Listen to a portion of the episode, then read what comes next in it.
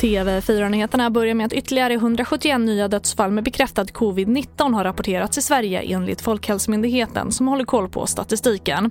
Och därmed har 9 433 personer avlidit i smittan i Sverige. Och riksdagen har idag klubbat igenom den tillfälliga pandemilagen.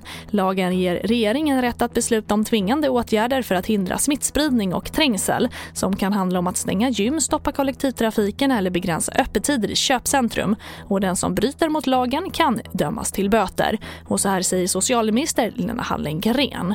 Vi kommer kunna med den här lagen att träffa verksamheter som vi idag inte riktigt når med, med, regler och tillsyn och vi kommer kanske kunna dela lite mer på de verksamheter som omfattas av samma lagstiftning, de här allmänna sammankomsterna där man alltid har åtta då att rätta sig efter, till exempel.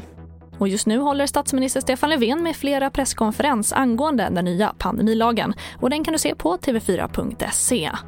Och MSB förre generaldirektör Dan Eliasson reste inte bara utomlands över jul och nyår utan han har varit utomlands vid flera tillfällen under pandemin, det rapporterar DN. Och MSB bekräftar för tidningen att Eliasson varit på Kanarieöarna även under hösten.